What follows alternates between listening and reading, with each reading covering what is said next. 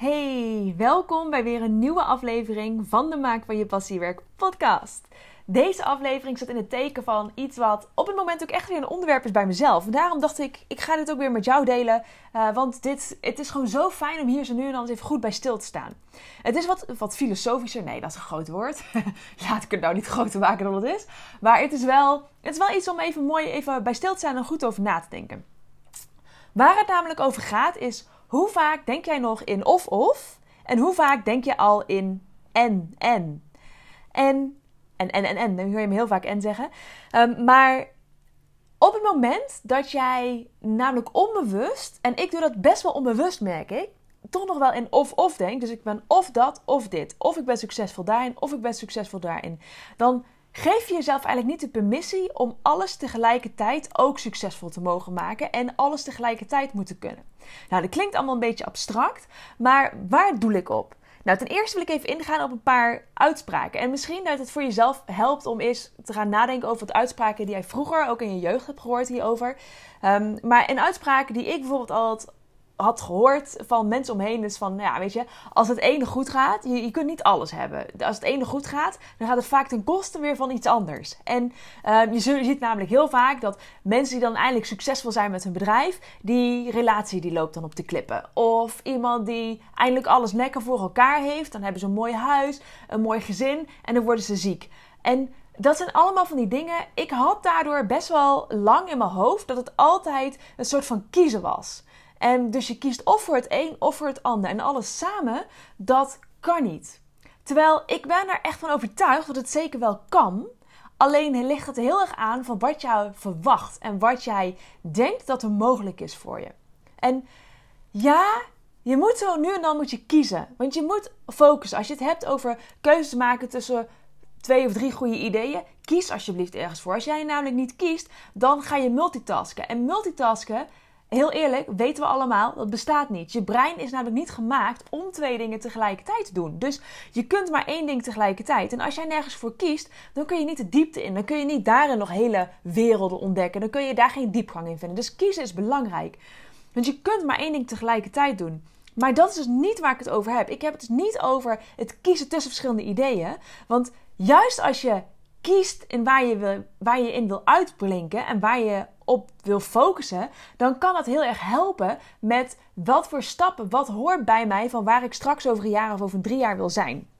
Dus het gaat niet zozeer over die keuze tussen verschillende ideeën, maar het gaat veel meer over: oké, je kunt succesvol zijn en meerdere dingen naast elkaar laten lopen. Dus ja, je kunt een super mooie baan hebben bij een sponsor, zoals wij het zo mooi noemen uh, bij Maken voor je Passiewerk en in mijn 1 op 1 trajecten. En is dat even een nieuwe term voor je eerst. Luister dan heel eventjes de podcast terug over met de titel Je werk is je sponsor.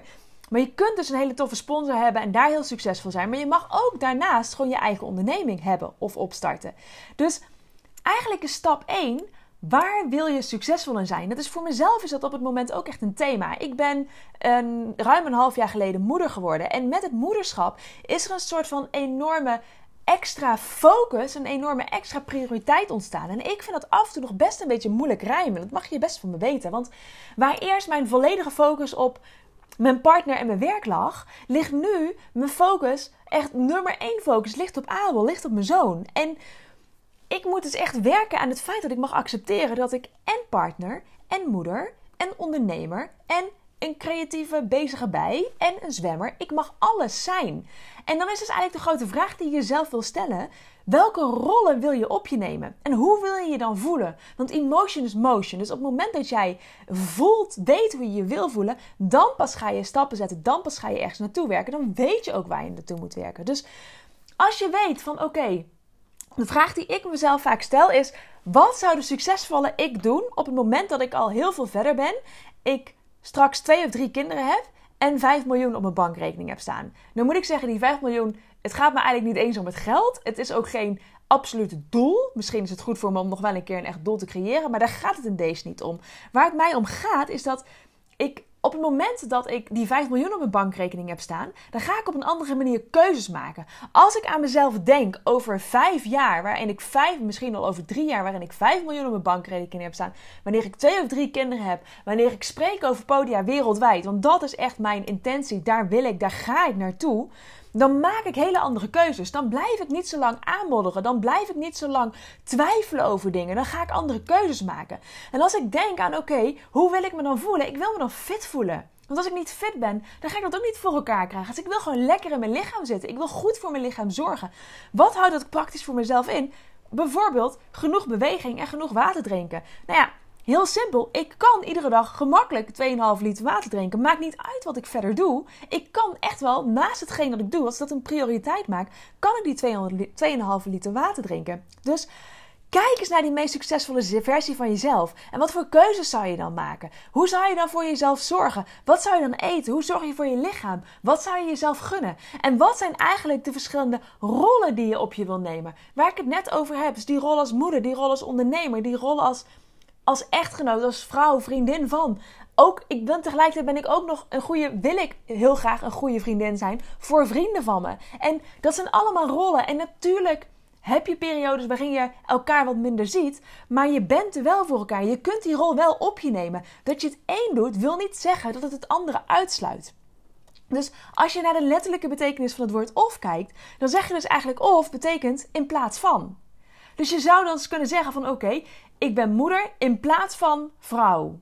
Van of vriendin van mijn partner. Of ik ben moeder in plaats van ondernemer. Of ik ben moeder in plaats van vriendin van mijn, mijn BFF. Weet je, dit is te zot voor woorden als je het zo neerzet. Als je het woord in plaats van gebruikt, in plaats van het woord of.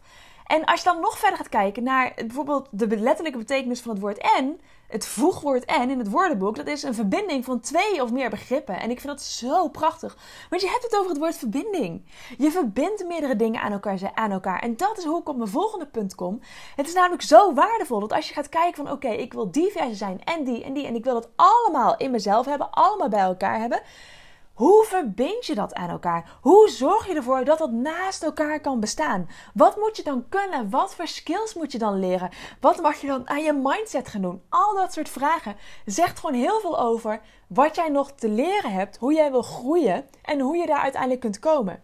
Zolang je maar gelooft in en en. En dit is waar ik mee af wil sluiten. Dus ga er eens voor jezelf echt over nadenken. Hoe vaak denk jij nog in of-of?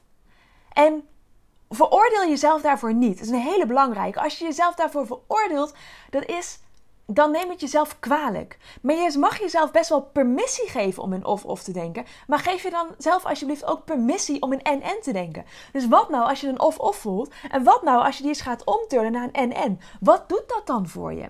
Hoe zou je dat in kunnen delen? Hoe zou je dat aan kunnen kleden in je leven? Hoe zou je dat passend kunnen maken? Nou, dat zijn dingen waar je echt over na mag gaan denken om uit die of-of te gaan en in die en-en te stappen. Want op het moment dat jij die verbinding maakt tussen twee of meer begrippen, die verbinding maakt tussen twee of meer rollen, tussen twee of meer werkzaamheden, dan ga je echt nog meer groeien. Dan kun je nog meer in je kracht gaan staan en dan ga je vliegen. En dat gun ik je zo. Ga je lekker mee aan de slag? Wij spreken elkaar weer in de volgende versie van de Maak van je passie werk podcast.